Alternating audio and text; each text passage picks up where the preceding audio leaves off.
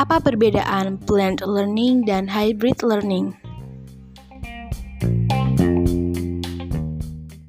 Perkembangan teknologi yang semakin pesat terus membuat sistem pendidikan di Indonesia lebih baik dan lebih maju mengikuti negara lain.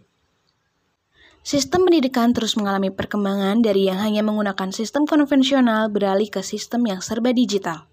Awalnya, proses belajar mengajar hanya terjadi di ruang kelas, namun sekarang proses belajar mengajar tak terikat oleh ruang dan waktu. Apalagi dengan adanya pandemi seperti saat ini, pembelajaran daring menjadi model yang harus digunakan. Apa perbedaan model pembelajaran model hybrid learning dan blend learning? Mari kita lihat perbedaannya.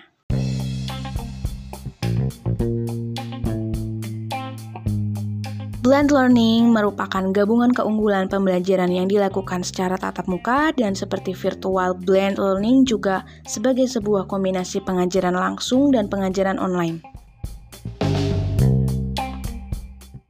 Sedangkan hybrid learning adalah pembelajaran yang menggabungkan berbagai pendekatan dalam pembelajaran yakni pembelajaran tatap muka, pembelajaran berbasis komputer dan pembelajaran berbasis online.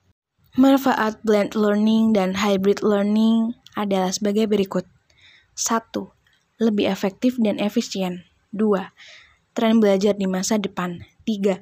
Mendukung pengembangan keterampilan digital peserta didik dan pengajar.